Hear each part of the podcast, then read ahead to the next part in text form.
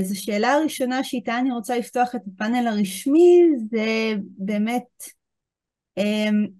איפה אנחנו רואים את הטכנולוגיה בשירות המלחמה הזאת?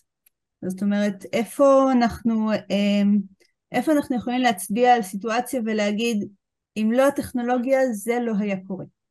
אוקיי, okay, אני מסתכל על זה מנקודת מבט אה, גם כסמנכ"ל מו"פ של תעשייה אווירית וגם כראש מו"פ לשעבר במפא"ת, אה, ואני אומר ככה, היכולת שלנו לעשות אה, תקיפה מדויקת, לבחור מטרות ולתקוף אותן באופן כירורגי, ולעמוד בכל האמנות הבינלאומיות, בראש ובראשונה נובע מיכולת, מה, מהטכנולוגיה, היכולת שלנו להבחין בין המטרות, אה, בספיקה גדולה של שטח, אם זה אה, מלוויינות והפעלת יכולות AI על אה, בסיס מידע אדיר שמגיע ממגוון מדיות, ויכולת לייצר מערכות תקיפה שיודעות לפגוע בצורה מדויקת מאוד במטרות שאנחנו בוחרים, ולהימנע מנזק אגבי אה, וכל זה אנחנו רואים את זה בא לידי יישום גם במלחמה כרגע,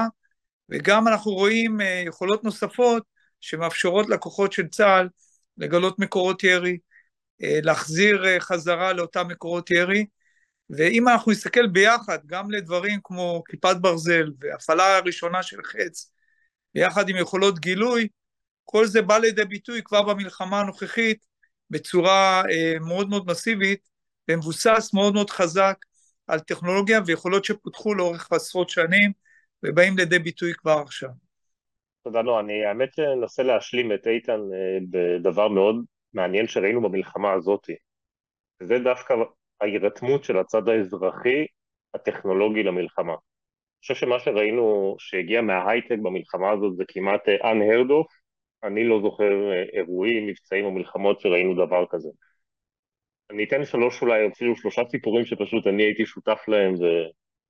אה, וראיתי אותם מקרוב. אחד זה ביום הראשון, אם אתם זוכרים, זה כבר נראה מזמן, 45 ימים אנחנו בתוך הסיפור הזה, אבל בימים הראשונים היה אירוע מאוד גדול של לחלץ אנשים מתוך היישובים שלמעשה נכבשו על ידי חמאס.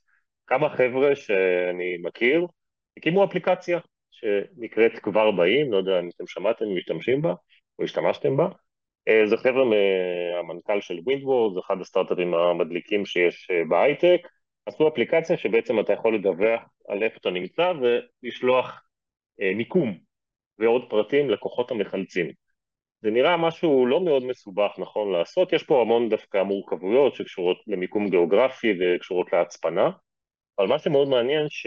זה אפליקציה שבדרך כלל, אם אני משווה את זה להייטק או לסטארט-אפ, זה ייקח להרים משהו כמו, לא יודע, כמה חודשים טובים, נכון, זה פיילוט, וצריך לגייס כסף, ולגייס אנשים, זה אירוע שפותח פחות או יותר בשעות, וכולו על ידי מתנדבים בתוך ההייטק, והיו שם מפתחים מכל הסוגים, כולל אנשים של UX, של ממשק משתמש, כולל אנשים של Backend, כולל אנשים של Security. המון אנשים חברו, ויצרו אפליקציה ומהר מאוד הלכו ללקוחות שבמקרה הזה זה הצבא, נכון? זה כוחות הביטחון.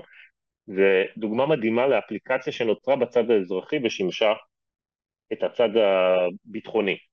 אה, אני אתן עוד דוגמה שהיא מעולם אחר, אבל אולי דומה, אה, דווקא אצלנו בתוך פאלו אלטו נטוורקס, הגיעו אליי כמה חבר'ה שעובדים אצלי, ואמרו לו, תקשיב, אנחנו רוצים לעזור בזיהוי של נעדרים וזיהוי של גופות, לא עלינו.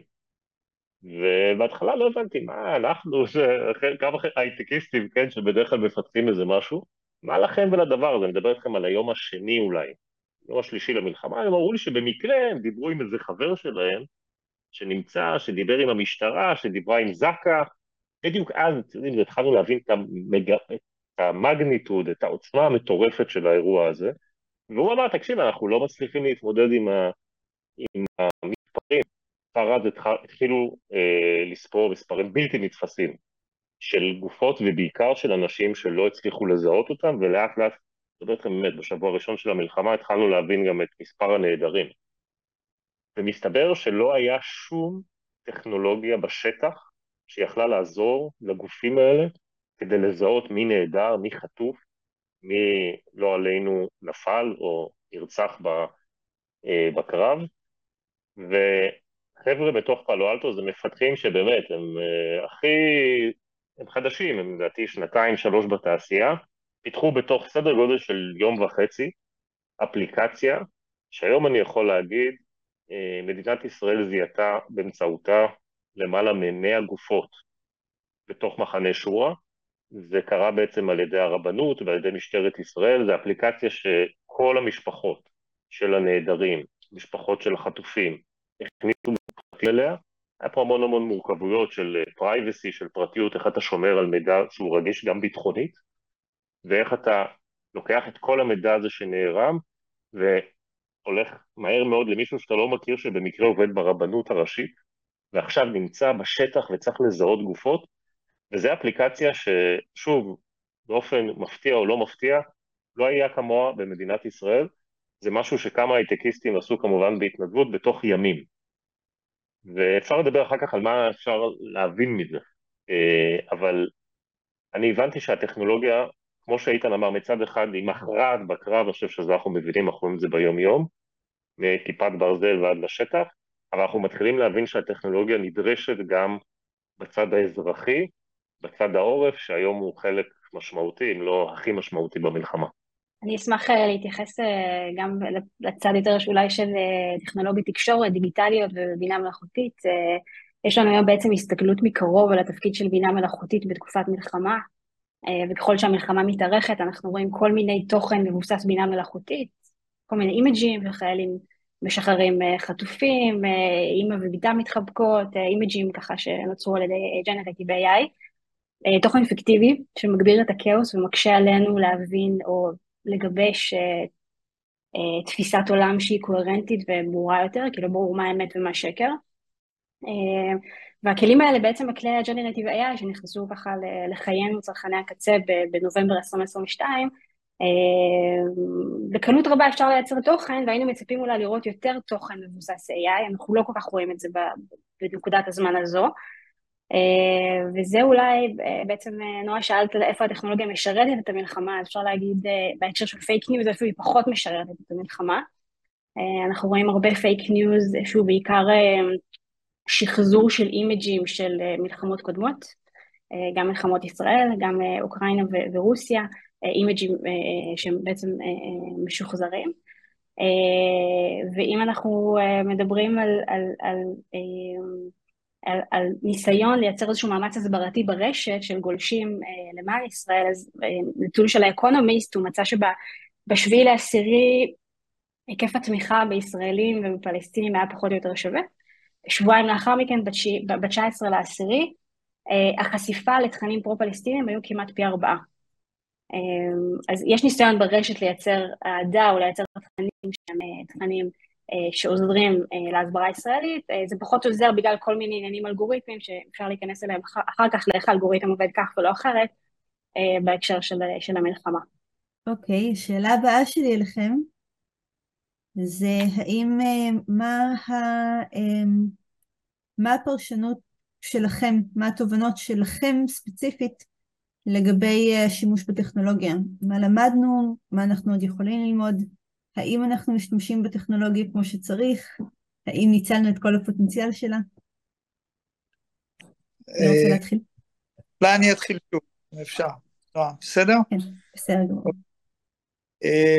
אה, אני חושב שאנחנו משתמשים אה, היטב בטכנולוגיה, לא מיצינו אותה לגמרי, כי יש עוד הרבה יכולות שנמצאות בארסנל שלא כולם באו לידי ביטוי עדיין, ואנחנו רואים הרבה אה, הרבה אה, יכולות שעדיין אה, הן בתהליך שנשמרות כבר להמשך הדרך.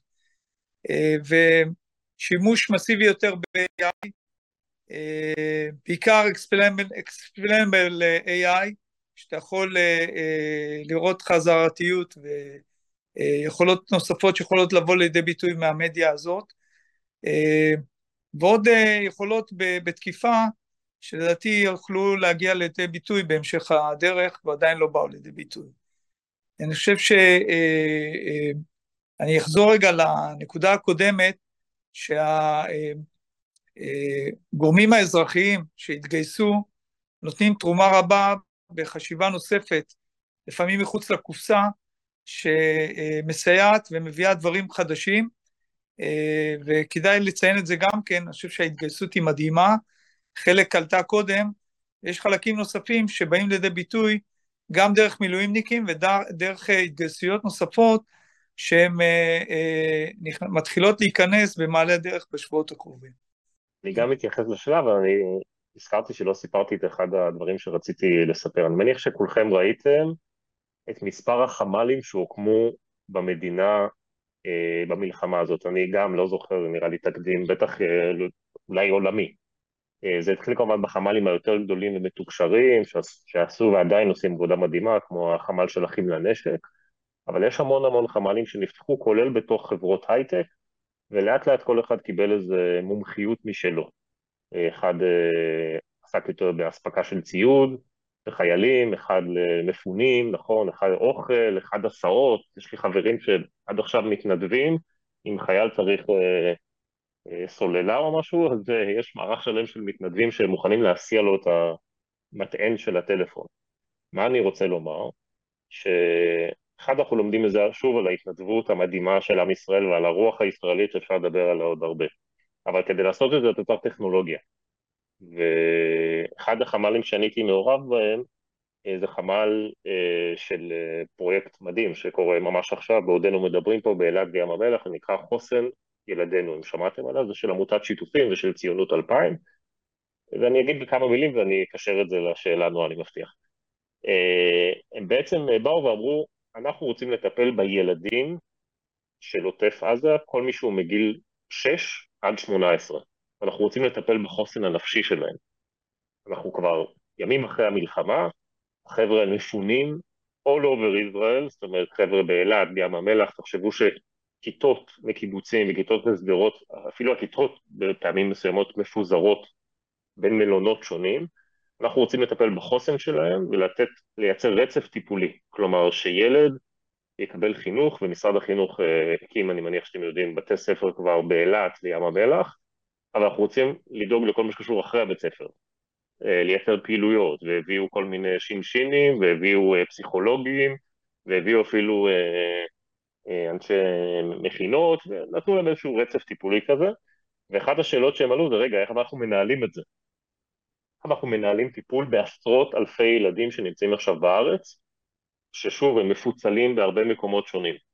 ואני מקשר את זה לחמ"ל כי זו אותה טכנולוגיה. אה, אנחנו בעצם, אה, חבורה של אה, חבר'ה מהייטק, באו ואמרו, אנחנו נפתור לכם את זה. בתוך ימים הקמנו להם תשתית שלמעשה עוזרת להם לנהל את כל האופרציה הזאת.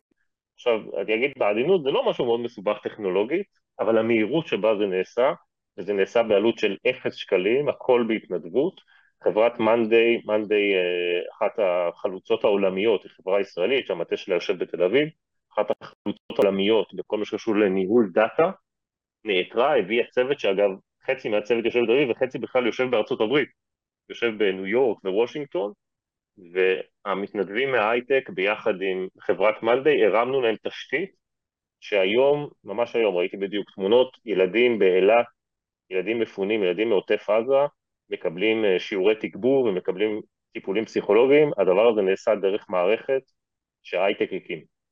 ומה שאני לומד מזה, שבסוף האתגרים הכי גדולים של ישראל יהיו בשילוב הזה של בין אה, היכולות הביטחוניות שלנו, שאנחנו לא, לא צריך לספר כמה הן חשובות, אבל לבין היכולות האזרחיות והיכולות הטכנולוגיות.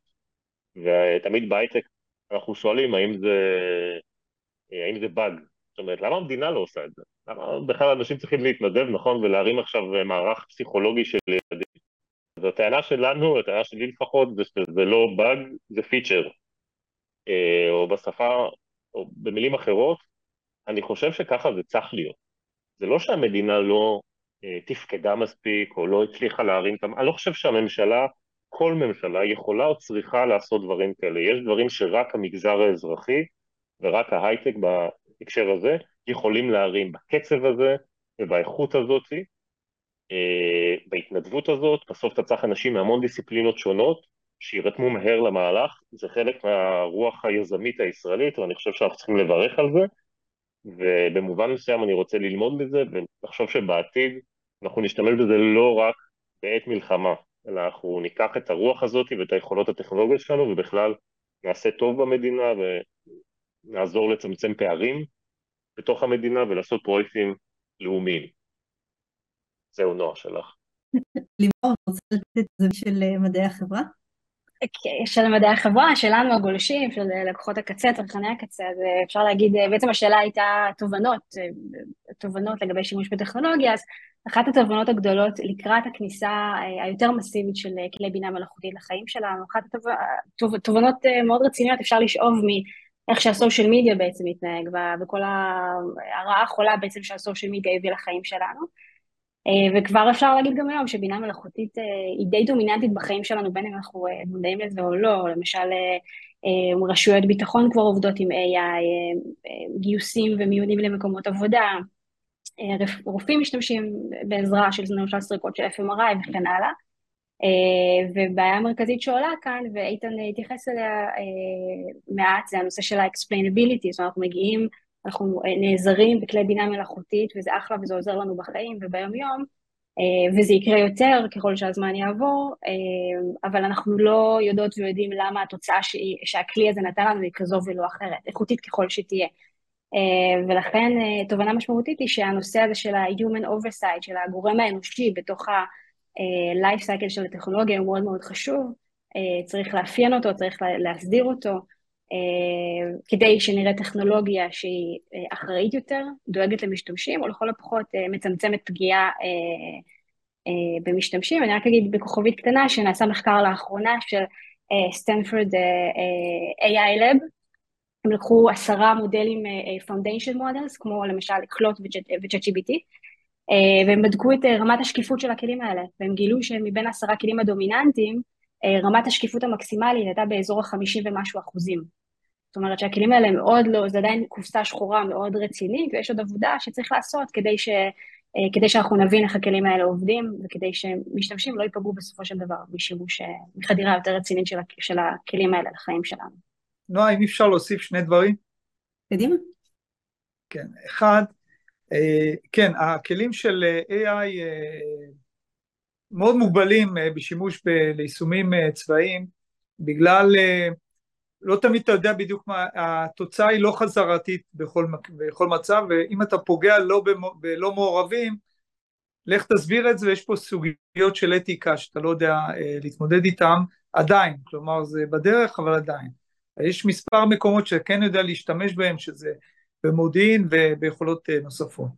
לגבי היתרונות שיש לנו, וזה עלה קודם ב, אה, בשיח, יש לנו יתרון של, של, של קטנים, שאנחנו אה, מאוד מאוד אה, לא פורמליים, אנשי מילואים שהם אה, הייטקיסטים, עולים על בעיות שהם מכירים אותם או יודעים למצוא להם פתרונות טכנולוגיים, פונים לעמיתים שלהם במערכת הביטחון או בכל מיני יחידות טכנולוגיות, ונסגר לופ שהוא מדהים, שאין אותו באף מקום אחר בעולם, שקצין שריון או קצין במגלן, שהוא הייטקיסט, ועולה, ורואה תופעה שהוא יודע שיכול להיות לה פתרון טכנולוגי, והלופ הזה נסגר ב- ב- בימים, וזה דברים מדהימים שקורים, ותוך כדי המלחמה אנחנו רואים יכולות שמתפתחות שלא היו קודם, ולא יכלו להיות קודם, בגלל הגיוס הזה באמת של אה, שילוב יכול, אנשים עם יכולות ומדיסציפלינות שונות שבאים לידי ביטוי.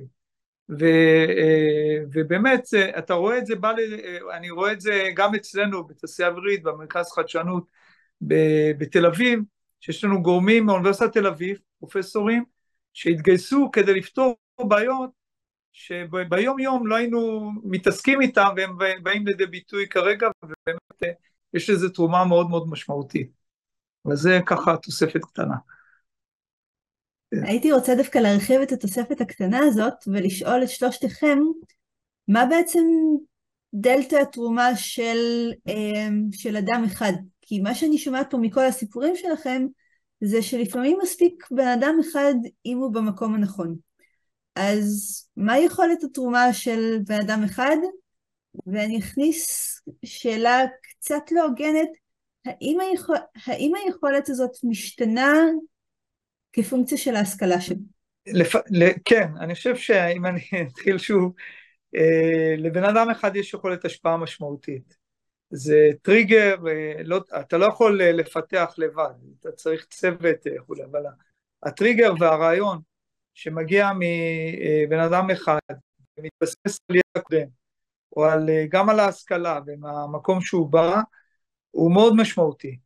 ואתה רואה גם במערכות הכי גדולות, אם זה מערכת החץ או מערכות המכה, בסוף יש צוות מצומצם מאוד מאוד גרעיני, שהוא המוח של המערכות האלה.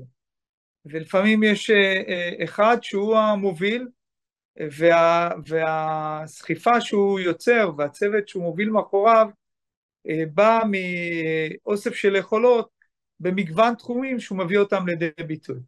אז כן, לאדם אחד יש יכולת השפעה משמעותית מאוד מאוד, וזה, ויכולת הסחיפה שלו, גם של צוות שהוא בא מאחוריו, היא מאוד משמעותית, כי בסוף המימוש לא יכול להיות על ידי בן אדם אחד. ככה זה מהזווית ומהניסיון שאני רואה. איתן, אני אקח את זה ונצא רגע מעולם המלחמה, ניתן דוגמאות. עכשיו, מה שקרה, נראה לי כל העולם מדבר על... אה, לימור בטוח, את מבינה בזה יותר, בעולם של OpenAI, חברה הכי מעניינת בעולם, אה, אולי החלוצה בתחום אה, של AI, והמנכ"ל האגדי פוטר, ועולם שלם מדבר על מה הוא עושה, ומסתבר שהוא כנראה הולך לעבוד במייקרוסופט. זה מתחבר איתן מצד אחד עם מה שאתה אומר, שבסוף אה, בכל פרויקט, בכל סטארט-אפ, בכל חברה אה, צריך אה, מנהיגות וצריך לידר שאחריו ילכו אנשים, בדרך כלל הוא איש שמביא או את החזון או סוחף אנשים אחריו, אבל שנייה אחרי שהוא פוטר סם אלטמן, נראה לי שבדיוק נכתב מכתב, ובערך 300 מתוך 400 העובדים של החברה, או משהו כזה, נכון? אמרו שהם עוזבים כן. איתו. 500 מתוך 700, אה, כן, הרבה יותר. כן. וזה בתוך יום, נכון? עכשיו, מה אפשר ללמוד מזה? שבסוף אה, אין דבר כזה. אה, מנהיג, מדהים ככל שיהיה, צריך את האנשים איתו, צריך את האנשים אחריו.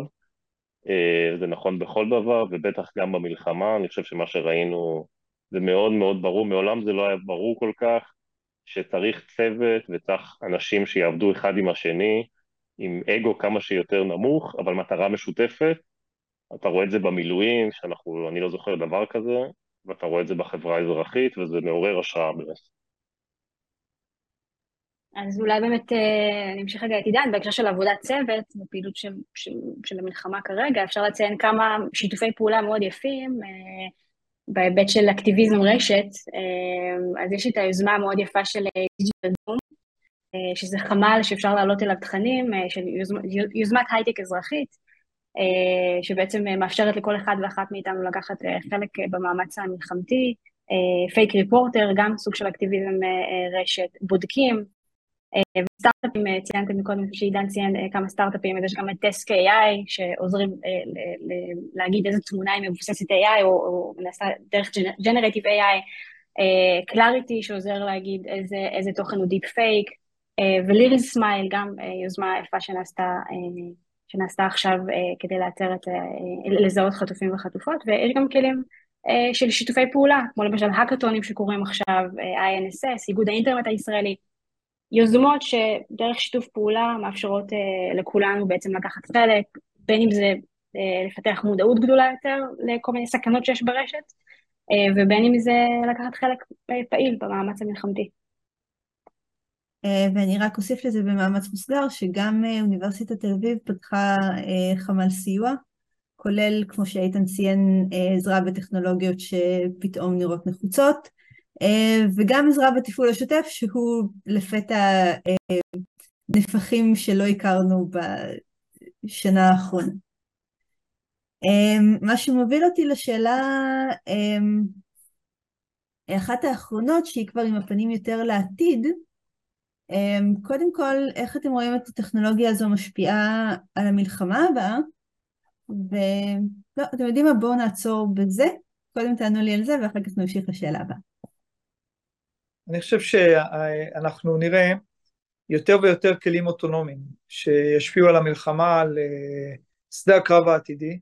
אנחנו כבר רואים את זה בעולם הרחפנים והמל"טים, אבל זה יחלחל גם למערכות ליבשה, ואנחנו נראה, אה, אני לא יכול להגיד שזה יחליף את החייל, בסוף צריך את החייל, אבל יהיו הרבה הרבה מערכים אה, אוטונומיים שיאפשרו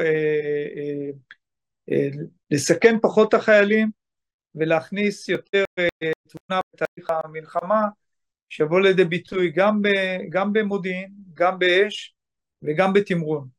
וחלק מהכלים האלה אנחנו באים, רואים אותם באים לידי ביטוי כבר עכשיו, וחלק יעצבו את פני המערכה העתידית.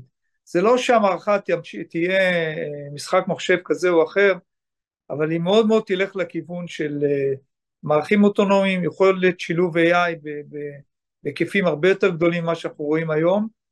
אה, יש לנו התפוצצות של מידע בהיקפים עצומים, וכל ההתמודדות עם ביג דאטה, שפה הפעם המערכות הצבאיות ייהנו מההתקדמות בעולם האזרחי, כמו גם ב-AI ובמערכים נוספים, יבואו לידי ביטוי גם בדיפנס. ואנחנו נראה את זה קדימה, זה גם יעצב את שדה הקרב העתידי, וגם הוא, מי שישלוט בכלים האלה יקבל את היתרונות אה, אה, האיכותיים בשדה הקרב. אז אני, קודם כל אני קצת אה, נרתע מהשאלה מה יהיה במלחמה הבאה, אנחנו לא, לא יודע אפילו אם התחלנו את המלחמה הזאת, אני מזכיר לכולנו שיש מעל 200 חטופים בעזה, וגם אם יש לנו פחות טילים, המלחמה עוד בעיצומה, אז בכלל, אני מזכיר גם לעצמי להיכנס לתודעה הזאתי. אה, אני חושב שאחת התובנות המרכזיות שלנו מהמלחמה, ואני רואה את זה פה בשאלות בעיקר מהמשתתפים, אה, זה הקרב על ה... לא הייתי קורא לזה אפילו הקרב על התודעה, אבל לא הייתי קורא לזה הקרב על ההסברה, הייתי קורא לזה הקרב על האמת. אני חושב שמעולם אני לא זוכר מצב שאנחנו חווים אמת כמו שהיא, ויש דברים שהם כן, שהם היו או לא היו, היה טבח או לא היה טבח, היה אונס של נשים או לא היה אונס של נשים, ישראל יצאה מעזה או לא יצאה מעזה, יש דברים שהם באמת כן או לא, שחור לבן, ואנחנו רואים בעיקר ברשתות החברתיות בדיוק את ההפך. ואני חושב שאנחנו מבינים היום שישראל, כמו שהיא משתתפת, כמו שהיא עושה מאמצים במערכה הביטחונית והקרבית ובצדק, אנחנו צריכים לייצר מערכה על האמת ולהוביל אותה, ופה הטכנולוגיה היא קריטית. פה לא יעזור משרד הסברה בממשלה, ולא יעזרו פוליטיקאים, סליחה, תעזור טכנולוגיה ויעזרו אנשים שזה המקצוע שלהם, זה לייצר אמת ולהפיץ אותה ולהילחם בשקר, ופה יש לחברות הבינלאומיות שעוסקות בזה, מטוויטר ומטא או פייסבוק, אה, חלק מאוד מאוד גדול, ואנחנו צריכים לזכור שאנחנו, אה, שהם שחקן, לא רק קטר ולא רק רוסיה אה, ולא רק ארה"ב הם שחקן היום בינלאומי, גם טוויטר וגם פייסבוק, וישראל תצטרך להתמודד עם זה בצורה מאוד חכמה, ואני מצפה מהכוחות הטכנולוגיים וכוחות ההייטק להיות שותפים מלאים למלחמה הזאת. אני חושב שגם שזה, אני חושב שזה מלחמה שדורשת גם אנשי מקצוע אה, מעבר להייטק. אנשי מקצוע בתחום, ה, לא, לא, לא רק הסברה, אפילו ברמת תסריטאים, איך אתה מנגיש את המידע אה, לציבור כדי שהוא גם יתפוס אה, בתפוצה רחבה אה, בדרך הרשתות, ואני לא רוצה לקרוא לזה לייקים, אבל יקבל תעודה כמו שצריך, ולא תמיד, אנחנו צריכים לרתום גם את התחום האחר, לא רק את ההייטק, את התחום שבקיא, איך בהנגשה של המידע. אני מאוד מסכימה שהמלחמה על האמת והשקר היא אחת החשובות אה, בחברה שרוצה להיות אה, חברה דמוקרטית ופתוחה ושוויונית. אה, אנחנו בעצם 19 שנים אחרי, אחרי הכניסה של פייסבוק לחיינו, אולי קצת פחות, אבל זה סדר גודל, ואנחנו עדיין עסוקים בשאלה של מה האמת ומה שקר, וככל שכלי בינה מלאכותית ייכנסו יותר ויותר לחיינו, אנחנו לא רק לא רק יהיה לנו קשה להבחין בין אמת לשקר, אלא גם האינדיקציה, גם הקצה חוץ, אה, שלמי שרוצה באמת להעמיק ולהבין, אה, גם לא יהיה קשה להבחין בין אמת לשקר. אה, בעולם שבו קל נורא לייצר קוד, תמונה, וידאו וכן הלאה. צריך להזכיר שבמאי האחרון בעצם הייתה קריאה של אנשי התעשייה ואקדמאים וחוקרים לעצור את, את, את, את, את הקידום של בעצם בינה מלאכותית. כדי לעצור רגע ולחשוב מה, השפ... מה ההשלכות החברתיות של, של הכלים האלה. אה, ולא רק שזה לא קרה, אלא שגם החברות הגדולות הסיטו אה, תקציבים מאוד גדולים ממחלקות אתיקה ליותר ויותר פיתוחים אה, טכנולוגיים, אנחנו בעצם שואלים קדימה על עולם שהוא לא נודע, בהקשר של בינה מלאכותית, שנהיית יותר ויותר דומיננטית בחיים שלנו. אז אני לא יודעת מה יהיה בעתיד, אבל אני כן יכולה להמליץ ולומר שחשוב מאוד שטכנולוגיה שתפותח תעשה את זה באופן אחראי, בעצם אנחנו מדברים פה על אה, משולש או על שלוש רגליים, מצד אחד שתעשיית אה, אה, תעשיית ההייטק תבין שיש לה פה אחריות חברתית ושחשוב לפתח כלים ולהטמיע אותם באופן שהוא ממוקד בני אדם וחברה. לנו, גולשים, צרכנים, יש, חש... יש חשיבות מאוד גדולה בנושא של מודעות ולהבין שטכנולוגיה צריכה לשרת אותנו ולא להשתמש בנו, אפרופו מה שעידן אמר על הרשתות החברתיות ואיך שהן משתמשות בכל מיני חולשות אנושיות כדי לייצר יותר רווחים. אז האחריות שלנו כ- כאזרחים, כגולשים, להבין שטכנולוגיות צריכות לשרת אותנו ולדרוש את זה. והשחקן השלישי בעצם אלו ממשלות שחשוב שייצרו אה, הסדרה באופן אפקטיבי אה, ויותר מהיר וגם בצורה שהיא אה, גם מאפשרת קדמה וחדשנות אבל גם שומרת על משתמשים. אז התכוונתי לשאול עכשיו את שאלת ההמשך של, אולי בעצם זו שאלה טובה, איך אתם רואים את השילוב של הטכנולוגיה בחברה העתידית האזרחית? זאת אומרת, מה אנחנו לוקחים מהמלחמה לחיים שאחרי? קשה לענות את השאלה כזאת, מה לוקחים ממלחמה לחיים האזרחיים. תשמע, לקחתי אה, קופסאות שימורים. כן, אבל לדוגמה, אה, שימוש ברשתות אה, חברתיות, גם להיבטים אזרחיים, אני אסביר את עצמי. ראינו את, את ההסברה ואת הנרטיב שאתה רוצה לייצר בציבור, יכול להיות שגם פה אפשר להביא את הכלים האלה ליישום גם אה, בהיבטים אחרים של החיים, אם זה בחינוך, אם זה בהיבטים אה, אחרים. אפשר לראות את, הרבה דיברתי על כלים אוטונומיים ורובוטיקה, גם פה יש פה תהליך שהוא מזין אחד את השני, גם העולם האזרחי וגם עולם הדיפנס, בתחום הרובוטיקה אה, זה התחיל בדיפנס, עבר לאזרחי, עכשיו אזרחי מוביל, ואם אני אקח אה, כלים שהשתמשנו בהם, יכולים לשמש אותנו בהרבה אה, מקומות שהם בעולם, גם, גם בעולם התחבורה, גם בעולמות אחרים, שהם יכולים להיות מוזנים מיכולות שליטה ובקרה שבאו מהדיפנס, ויכולים ללכת לעולמות התחבורה ותחומים נוספים. אז כן, יש יש אה, איזון הדדי אה, בין, ה, אה, בין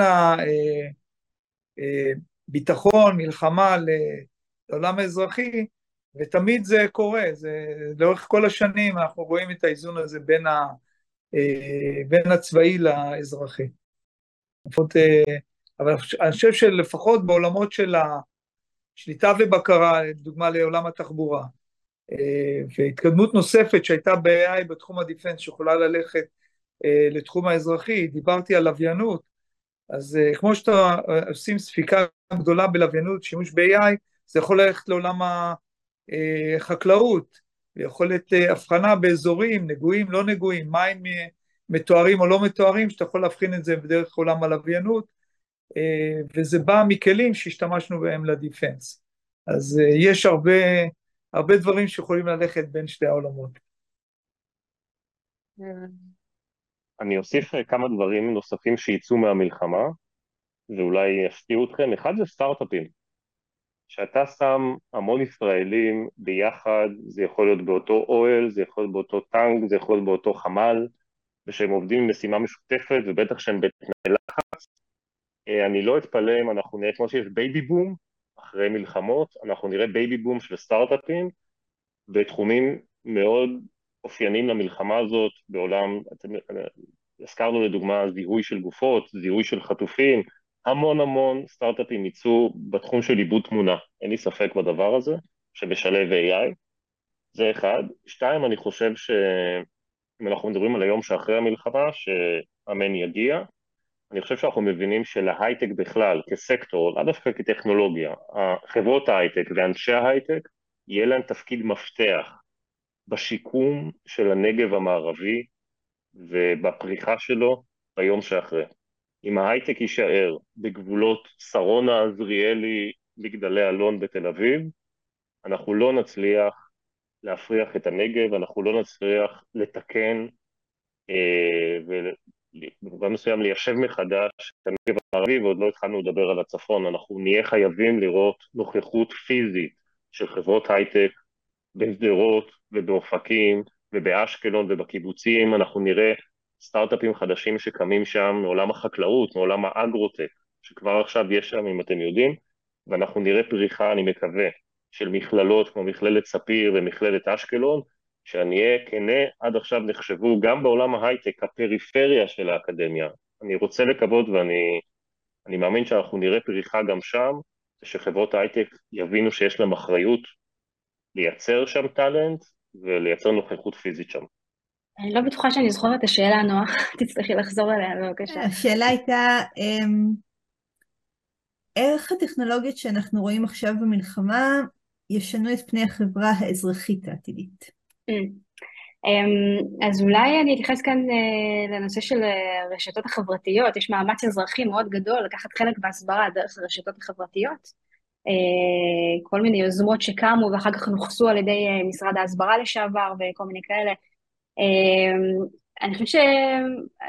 שאנחנו, המלחמה הזו מלמדת אותנו טוב יותר, אנחנו רואים ממש תמונת מצב לאיך האלגוריתם, למשל של טוויטר, אבל גם נגיד טיק טוק, איך הוא עובד. מחקר שנעשה על ידי NewsGuard מצא שה super spreaders של מיסאינפורמציה במלחמה הזו הם נעשים על ידי חשבונות מאומתים, על ידי אלה עם ה-V הכחול בטוויטר. אה, אז זו בעצם רק דוגמה אחת לאיך בעצם, איך, איך הטכנולוגיה יכולה להשפיע על תפיסת המציאות שלנו. בסופו של דבר הרשתות האלה הן מעין עדשה על האופן שבו אנחנו תופסים את המציאות, כי אין לנו באמת גישה על המציאות אה, באופן בלתי אמצעי. אה, אז אני חושבת שלהבין איך הטכנולוגיות האלה עובדות, אה, מה נמצא מתחת למכסה המנוע של הרשתות החברתיות, יכול להיות משהו בעל ערך ליום שאחרי, ואנחנו, תוך כדי אנשים מתחילים לשאול שאלות חשובות, וזה נראה לי, נראה לי חשוב. אז... אם אני אחזור על הדברים שעידן אמר, שלדעתי מאוד מאוד חכמים, אני חושב שהסטארט-אפ יהיה הרבה dual use, הרבה דברים שאותם אה, חבר'ה שהתאגדו וראו את האתגרים בדיפנס או ראו פתרונות בדיפנס, ילכו גם לתחום האזרחי, ונתנו דוגמה של אה, AI על אה, עיבוד תמונה, ואני התייחסתי ספציפית לתמונות לוויין, אבל לא רק. ולכן אנחנו נראה הרבה דברים שהם חיים על שני עולמות. באו מהדיפנס, ילכו לאזרחי, והפוך, יהיה הרבה סטארט-אפים שהם אה, באמת בדואל יוז אה, אה, ישרתו את שני העולמות. אתה יכול לתת דוגמה קונקרטית לזה?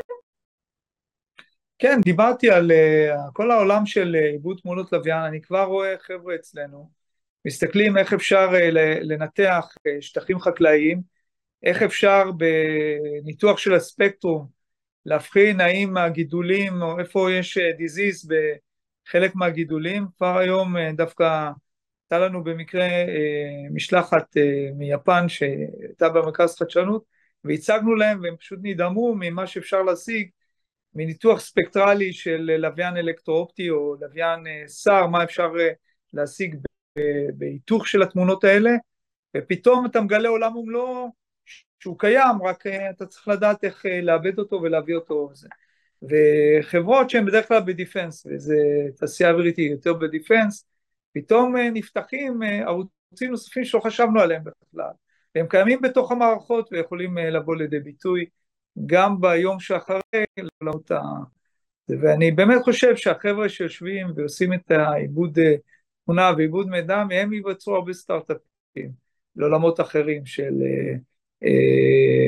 recognition, של pattern recognition וגילוי עצמים כאלה ואחרים, אנחנו נראה עולם ומלואו שיבואו מהתחומים האלה גם כן. אם לאף אחד אין מה להוסיף, אני רוצה um, את השאלה הרשמית האחרונה לקחת דווקא מסקשן השאלות ותשובות.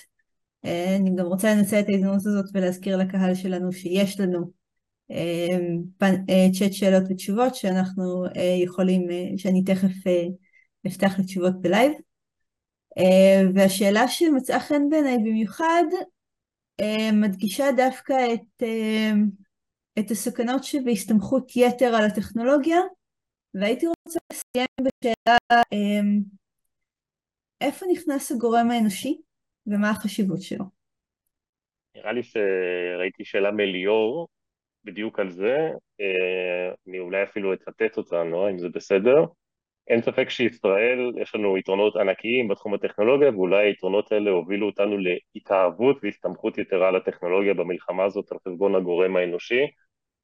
והאמת היא, אה, אה, זה מאוד מאוד נכון. אנחנו עוד מאוד מאוד מוקדם, כמו שאמרנו, אנחנו בתוך המלחמה, ועדת חקירה עוד לא נפתחה אפילו, אבל אנחנו מתחילים להבין את התמונה, ואנחנו מתחילים להבין את הכשל המודיעיני הענק, הענק, הענק, הבלתי נתפס שהיה בשביעי באוקטובר, אה, במיוחד שאתה מבין מה היכולות המודיעיניות והסיגינטיות והסייבריות של מדינת ישראל ושל 8200 והשב"כ ושאנחנו רואים אחר כך שני פעילים, שומעים במו אוזנינו שני פעילים של הג'יהאד האיסלאמי מדברים לאן לכוון את הרקטה ואנחנו מבינים את העוצמה ואת היכולות המודיעיניות של ישראל ואתה שואל את עצמך איך מדינת ישראל לא ראתה את זה ואתה רואה את התחקיר הבלתי נתפס, המקומם ברמה הפלילית לדעתי של תצפיתניות שראו סימנים מעידים, זה מזכיר, אני לא נולדתי ב-73, אבל אה, גדלתי על הסיפורים האלה, זה חבר'ה, זה כאילו אנחנו במוצב המזח, וחבר'ה מדווחים על סימנים מעידים ביום כיפור ואף אחד לא מקשיב להם. ואולי המסקנה, ושוב, זה עוד מאוד מוקדם להסיק אותה, אבל מסקנה מתבקשת, זה שאתה יכול להסתמך על טכנולוגיה ואתה יכול לייצר חומות ואתה יכול לייצר uh, אה, AI בסוף אין תחליף לגורם האנושי, וכשאומרים גורם אנושי, אולי אפילו בוא נמקד, הייתי אומר צניעות. כל עוד לא יהיו, כל עוד אנחנו כישראלים, מההנהגה שלנו ועד התצפיתנית והמפקדים בשטח ואנשי המודיעין, לא ילכו עם צניעות בסיסית בלב שלהם ובראש שלהם, אנחנו יכולים uh, לחטוא בחטא היוהרה, ואנחנו היום מבינים שזה עולה בהמון המון חיי אדם. והכל מתחיל לדעתי בצניעות. אני אתחבר אה, לדברים האלה. רגע, אני רוצה לשמוע קודם את, אה, אני רוצה לשמוע קודם את לימור, כי um, היא היחידה מאיתנו שיש לה אשכרה תעודות שמעידות על היכולת שלה לנתח את זה. Um, צניעות, אני מאוד לא לוקחת, uh, מסכימה מאוד. Um, אני חוזרת לנושא של בינה מלאכותית, אה, שתהיה יותר ויותר דומיננטית בחיינו ככל שאנחנו, זה, קורה, ואני לא צריכה לספר בטח לכל מי שנמצא פה, זה מובן מאליו. ההסדרה אה, האירופאית, אבל גם הסדרות אחרות שאנחנו רואים שלאט לאט תיכנס ותסדיר את הרגולציה בצורה כזו. תסדיר, סליחה, את הטכנולוגיות האלה בצורה כזו שתצמצם פגיעה במשתמשים, שמה את הנושא הזה של בני אדם במרכז. זאת אומרת, uh, Human Centered Technology, והמרכיב הזה של ה-Human Oversight, האדם הזה שנמצא מתחילתו ועד סופו, ובמקרה קיצון גם יכול להוציא את, הכבל מהחשמל, אבל ככה כאנלוגיה, אז, אז המר, המרכיב האנושי הזה הוא מאוד מאוד חשוב בהסדרה של טכנולוגיה, כדי שתחזור uh, איזו סימטריה כזו שכבר הלכה לאיבוד uh, בין טכנולוגיה לבני אדם. אה, ואנחנו צריכים גם להזכיר לעצמנו שכשטכנולוגיה חדשה נכנסת, אנחנו נורא נוטים להתאהב בה, ויש איזו הילה נורא גדולה סביבה ולתת בה אמון מאוד גדול. כל זמן שמכסה המנוע סגור ולא ברור לנו איך הכלים האלה עובדים עד הסוף, אה, אנחנו צריכים, אה, אנחנו צריכים לדעת ש, ש, שאנחנו מצויים באזור סכנה, ולכן, ולכן צריך לזכור את זה שכשאנחנו משתמשים בטכנולוגיה, צריך, היא צריכה להיות שקופה עבורנו, אה, ובייצור שלה אה, הגורם האנושי הוא חלק אה, אינטגרלי. אני, אני אמשיך מהנקודה הזאת, אני חושב שצניעות והטלת ספק, כי הטכנולוגיה באמת מביאה לנו את כל הסימנים, אני חושב שיש לנו יתרון טכנולוגי באמת אדיר על כל גורם, גורם אחר, אבל היכולת, הגורם האנושי בהפקת המסקנות מה, מהנתונים שמגיעים, ליכולת uh, לקבל את המסקנות הנכונות, וגם האיפכא מסתברא, הטלת הספק, אלה דברים שמאוד, ובאמת, להסיר את היוהרה, להטיל ספק בכל מסקנה שבאמת ולבחון את, את הכיוונים מכל הכיוונים. ובאמת, אם מסתכלים על זה, הטכנולוגיה לנו, העמידה לנו המון המון יכולות והמון המון אה, סימנים, אה, והסנסורים הביאו את המידע, והשאלה באמת איך אתה מקבל את המסקנות, איך אתה מנתח את המידע, והאם יש גם עוד גורמים שמסתכלים על המידע גם מזווית אחרת. ולכן אה, אי אפשר ללא הטכנולוגיה, אבל הגורם האנושי הוא גורם באמת משמעותי מאוד מאוד בתהליכים, ואני לא אתייחס כרגע אה, באמת מה הוביל אותנו, אבל ההסתמכות יתר על טכנולוגיה בלי יכולת אה, אה, להכניס גם את המרכיב האנושי, היא לפעמים לוקחת אותך למקומות שאתה לא רוצה להיות בהם. אני פותחת עכשיו את הבמה לשאלות מהקהל. אה, ונראה שרוב הקהל, יש כמה שאלות שחוזרות לגבי אמ, הקרב על התודעה. אה, אז שני אה, משתתפים אנונימיים כותבים על להיזהר מבינה מלאכותית והמון שקרים, ויש עוד שאלה אנונימית של האם אפשר לנצח בקרב הלא הוגן הזה של מכונות, הם קוראים לזה מכונות רעל תודעתיות. אה, ואיך מנצחים בקרב הזה, אה, האם, מה תפקיד הממשלה, וספציפית ליאור, שממנ... אה, שמהיוזר הזה הגיעה השאלה של הגורם האנושי, מה אנחנו יכולים לעשות לגבי הפקטור 4 או יותר, שמדבר עדיין רק על חשיפה, בכלל לא על שינוי תודעה, רק על חשיפה. אני אתייחס רגע לנושא המלחמה על התודעה. דווקא אני חושב שעצם היותנו, הייתי אומר מעצמה טכנולוגית, יכולה לסייע לנו להתמודד עם, ה, עם, ה, עם המלחמה על התודעה בכלים טכנולוגיים. זה לא שעכשיו אנחנו צריכים להתמודד מול uh, עשרות מיליונים, מאות מיליונים, גורמים אחרים. ברגע שאתה מנצל את הטכנולוגיה אתה יכול לייצר את הדומיננטיות ברשתות באמצעים טכנולוגיים. אני לא רוצה להגיד בוטים וכאלה, אבל המון יכולות שאנחנו יכולים להשתמש בהן כ... אה, עם שליטה מאוד אה, גבוהה שיש לישראל בטכנולוגיה, כדי להתמודד עם התודעה גם בכלים האלה. ולכן באמת... רגע, אגב, אה, בהתייחס לזה רק אתן כוכבית קטנה ביחס להתפלגות האשטגים פרו-פלסטינים, פרו-ישראלים, חברת Humans עשתה על זה מחקר וראתה ש-93% מהאשטגים הם פרו-פלסטינים והיתר הם פרו-ישראלים. אז במלחמה, במלחמת ההסברה ברשת אנחנו בינתיים אה, לא כל כך אה, לעניין בשלב הזה. נכון, ולכן אה, אם אנחנו נגדיר את זה כזירת מערכה שאנחנו רוצים להתמודד איתה ולא להתעלם ממנה, אני חושב שאנחנו יכולים לייצר, לא, לא רוצה להגיד שינוי, אבל כן יכולים לייצר איזשהו סוג של איזון מסוים מול הנחיתות שאנחנו נמצאים בה כרגע. ו, וצריך להחליט שזו אה, זירה שאנחנו צריכים להתמודד בה ולגייס את היכולות שלנו אה, גם בהייטק וגם בתעשיות וגם בגורמים נוספים כדי להתמודד עם הזירה אה, הזאת כי זה לא זירה שאתה יכול להשאיר אותה לאיזה משרד הסברה שלא קיים או לגורמים כאלה ואחרים. צריך פה התגייסות לאומית כמו שיש התגייסות לאומית במגוון תחומים שעלו פה וגם עידן הזכיר אותם אני חושב שגם פה צריכה להיות התגייסות לאומית כדי להתמודד עם, ה, עם התופעה הזאת, וזה לא כמה סלבריטיז שיוצרים באז כזה או אחר, אלא ממש להתמודד עם זה בצורה מתודית ושיטתית.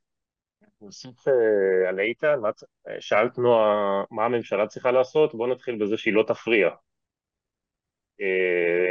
אבל בכלל, אני חושב שההבנה שלנו בתקופה האחרונה זה שבטח במאבק כזה הממשלה קודם כל שלא תפריע, ודבר שני, אם עכשיו אני אדבר קצת יותר בניעות, היא יכולה להכווין, היא יכולה להגיד, יש לנו מערכה, בדיוק כמו שממשלת ישראל בתקופה של אריק שרון אמרה, ישראל לא תחיה עם איראן גרעינית, ומפה נגזרה תוכנית עבודה, שחלקה חשוף לציבור וחלקה אני מניח ייחשף בעוד עשרות שנים, אותו דבר כאן, יש כאן מערכה, צריך להגדיר מה היה, צריך להיות ריאליים, לימור הסטטיסטיקה שהראית מוכיחות, זה בסוף זה עניין מספרי, אין מה לעשות, יש לך עולם מוסלמי מאוד מאוד גדול, אה, אז יש פה משחק של חוק המספרים הגדולים, אז בואו רגע נהיה ריאליים, אנחנו לא נצליח לשכנע את כל העולם ולא נצליח לספר את האמת לכל העולם, אבל בואו נתחיל להטות את הכף, שהאחוזים שלימור אמרה עוד חמש שנים ועוד עשר שנים יראו אחרת. ופה הממשלה יכולה להכווין, יכולה לתת תקציבים, אבל הגופים המבצעים לא יכולים להיות, סליחה, אנשים שמה שהם עשו כל החיים זה לדבר באולפני טלוויזיה. I'm sorry, זה לא השנה שנת 2023, מי שיכול לעשות את זה זה חבר'ה צעירים, זה חבר'ה שנמצאים ברשתות החברתיות, וזה מי שיודע להפעיל מערך אה, של הפצה של מסרים. הטכנולוגיה קיימת, מה שנדרש זה קונטנט, זה קריאייטיב, זה לדעת מה אנחנו רוצים לייצר, ומה שנדרש זה משאבים. ופה המדינה חד משמעית יכולה וצריכה לעשות. צריך לזכור גם שבאמצעי התקשורת המסורתיים עדיין יש תפקיד, כולנו ראינו את המערכונים של ארץ נהדרת על ה-BBC, זה נורא נחמד, אנחנו צוחקים עליו ובצדק, אבל עדיין אנחנו לומדים מזה שלרשתות המסורתיות יש תפקיד, וגם פה יש לממשלת ישראל, הזכרת ממשלה, יש משרד חוץ, זה התפקיד שלו. אני לא יודע אם אנחנו יודעים, אבל כבר שנה לא מאויש במדינת ישראל הקונסול בניו יורק, שיש לו תפקיד אחד, יסלח לי אסף זמיר, זה לדבר עם התקשורת בניו יורק, מה יותר חשוב מזה? אז גם פה, מדינת ישראל צריכה להבין שמשרד החוץ צריך להיות לאט לאט משרד שעוסק בענייני אה, הסברה ולייצר קשר עם העיתונאים המקומיים, זה משהו שטכנולוגיה לעולם לא תוכל לייצר, זה משהו שאנחנו צריכים את השליחים שלנו ואת הנציגים המדהימים של מדינת ישראל ברחבי העולם, אנחנו צריכים אותם במערכה הזאת, אז משרד החוץ, בואו לא נשכח אותו. אה, אני חושבת שאנחנו רואים, אה, אנחנו רואים התארגנויות אזרחיות מאוד יפות בהקשר של פעילות רשת. אה, כנגד כל הסיכויים, נכון שהמספרים לא לטובתנו, אבל יש שם עוד כמה דברים שהם לא לטובתנו, ובכל זאת יש התארגנויות מאוד יפות. הזכרתי גם את דיג'יטל דום, שזה גם קמה לאחרונה וגם צוברת תאוצה וזה מאוד יפה. ונראה לי שבכל מה שקשור להסברה ברשת צריך להבין דינמיקה של רשתות, ואם נזכר בציוץ של משרד ההסברה מהשביעי לעשירי, אה, הציוץ הזה קרא למשפיעני רשת להתקשר טלפונית לאנשי הקריאייטיב, זה ככה בציוץ, לאנשי הקריאייטיב של משרד ההסברה. זאת אומרת, מציאות הרשת לא עובדת בצורה הזו, אף אחד לא מרים טלפון, ובטח שלא משפיעני רשת ייתנו את הטראפיק למשרד ההסברה, זה, זה לא עובד בצורה הזו. אה, אז חשוב להבין דינמיקה של רשתות ואיך גולשים מתנהגים, כדי שבכלל נזכה לחשיפה, וגם כך גם בסופו של דבר להשפעה. שאלה הבאה היא מה שנקרא, ונעבור למשהו שונה לגמרי. אה, יש כאן שתי שאלות יותר בפן הטכנולוגי. אחת זה, מה הנתיב לפיתוח מכשיר רפואי טכנולוגי לצבא? אה, זאת אומרת, אה, מאיפה כדור מתחיל להתגלגל, מי עוזר, מאיפה באה ההשקעה הכספית. ובהמשך לשאלה הזאת, כשכבר יש את הפיתוח הזה, למי שייך הקניין הרוחני שלו? לא ברור לי שהשאלה מובנת, אני אגיד אה, רגע מה ההתייחסות היא למכשיר אה, רפואי, לטובת ה... באופן של... בוא, בוא נגדיר את זה ככה, פיתוח טכנולוגי. נעזוב כרגע באיזה נושא ספציפי. תשמע, רוב ההייטק בארץ, לא רוצה להגזים, חלק אה, לא מבוטל מההייטק בארץ התחיל מיחידות הטכנולוגיות, בכאלה או אחרות בצה"ל, ורעיונות שעלו משם, והתפתחו גם אה, אחר כך לסטארט-אפים כאלה ואחרים. ולא היה חידוד הקניין הרוחני אם הוא שייך אה, למערכת הביטחון או לא, זה הלך קדימה ואנחנו רואים את צ'ק פוינט ורואים הרבה גורמים שהלכו ופרחו וזה העוצמה של ישראל. אז דווקא אה, אני לא רואה את סוגיית הקניין הרוחנית, דווקא הייתי אומר, החוסר פורמליות אולי קצת בישראל, הביא לפ... מביא לפריחה מאוד גדולה אה, ב... אה, בכלל בהייטק. לגבי הסוגיה באמת, אה, אם מישהו יתייחס באמת לסוגיית המכשור רפואי, או... אז, אז דווקא היום אנחנו רואים כניסה יותר לכל נושא ביו-קונברג'ן ולהשקה בינו לבין ביטחון, ואני לא אפרט מזה יותר מדי, אבל זה באמת תחומים שנכנסים אליהם, הם אה, מערבים תחומים נוספים אה, בחיים. אז אנחנו יכולים לעבור לשאלה הבאה. אמ, ויש כאן שאלה על, אמ, דווקא על ביטחון מידע. גם עידן וגם לימור הזכירו קודם את עניין ביטחון המידע, כמה אנחנו יכולים לחשוף, כמה, כמה מידע בעצם אנחנו יכולים, כמה המידע שלנו בעצם חשוף כשאנחנו מדברים על יוזמות אזרחיות שהן פתוחות. ואני רוצה לשאול, עד כמה, עד כמה היכולת שלנו אה, לשמור על ביטחון מידע קיימת כשאנחנו פונים לרשת החברתית? זו נקודה מאוד, אה, מאוד מעניינת וחשובה, מאוד עדינה. כי אה, כשאתה שם את האתגרים שלך בחוץ, פונה ברשתות החברתיות, סוג שנחשף ויש פה באמת סוגיה של ביטחון מידע.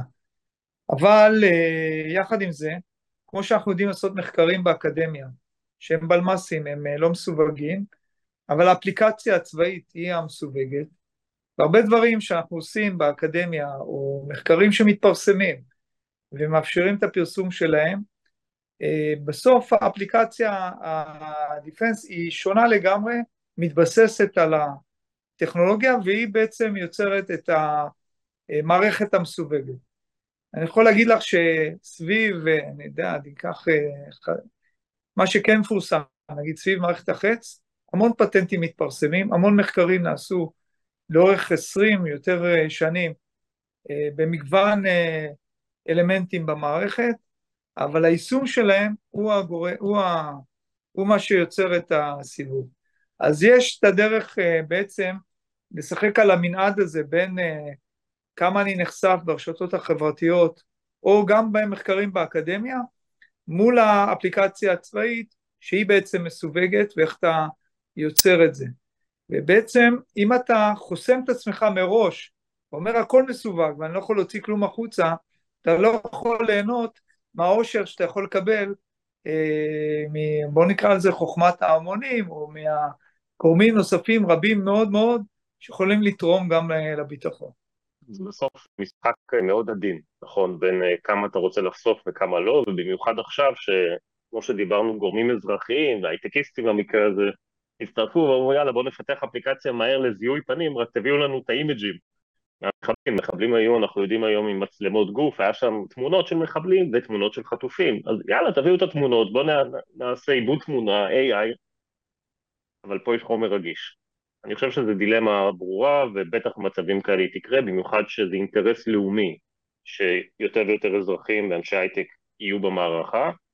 מה אתה חושף, מה אתה לא חושף, אני לא חושב שלאף אחד יש תשובות. אני כן יכול להגיד ממה שאני רואה וראיתי שיש מודעות מאוד מאוד גדולה לזה, ויש הבנה שבסוף אה, ביטחון מידע והביטחון של המקורות שלנו הם אה, מעל הכל, וצריך לשמור עליהם. ועדיין זה בסדר לפתוח את הדלת שלא הייתה פתוחה פעם ולתת לאזרחים וליכולות האזרחיות והיכולות של ההייטק להיות מעורבים במערכה. זה יכול לחיות ביחד.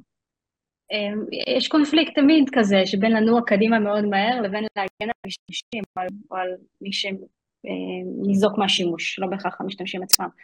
אמ, אז זה קונפליקט אה, מוכר וידוע, לדעתי עכשיו אה, יש איזושהי יוזמה של אה, חוקרים באוניברסיטת תל אביב, בפקולטה למשפטים, לתת ייעוץ בנושא הזה של, של פרטיות ליוזמות יוזמות, יוזמות מהתעשייה שלוקחות חלק במאמץ המלחמתי.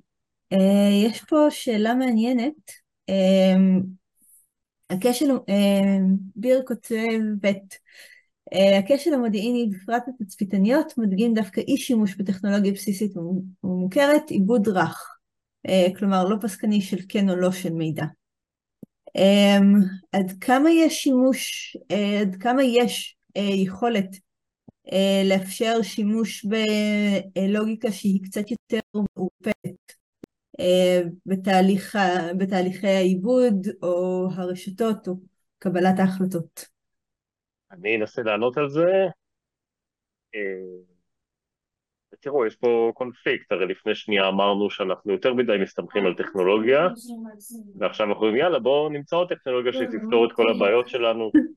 אז אני חושב שאנחנו מבינים שתמיד תהיה טכנולוגיה לפתור אתגרים, אה, במיוחד אתגרים שקשורים לקבלת החלטות אנושית, אבל כל עוד בן אדם בסוף עומד ומקבל החלטה, אני לא רואה מצב שטכנולוגיה מתקדמת ככל שתהיה, תוכל אה, למחוק קונספציה ולמחוק אגו ולמחוק ביטחון, כי אנחנו כולנו בני אדם, ולא משנה איזה AI יעמוד מולך ויגיד, תקשיב, ממש הולך מחר לפרוץ מלחמה, אם אתה בטוח שלא הולכת לפרוץ מלחמה, אה, אתה תשכנע אותך, ואם אתה מספיק אה, כריזמטי אולי אתה יכול לשכנע אחרים. אז אה, אני מעדיף שנשקיע יותר בצניעות מאשר ב-AI במקרה הזה. בסוף הטכנולוגיה היא גורם שהוא מסייע בקבלת החלטות, הוא מאפשר עיבוד מידע רב ופרוסס של מידע שאדם לא יכול להכיל את ההיקף שלו והוא יוצר תהליך העיבוד ובסוף יש את הגורם האנושי שמקבל את ההחלטה הסופית. אז יש אה, תהליכים שהם סיוע בקבלת ההחלטות, אבל בסוף גורם האנושי הוא זה שמקבל את ההחלטה אה, על בסיס אה, דברים שמכונה לא יכולה לסייע בהם.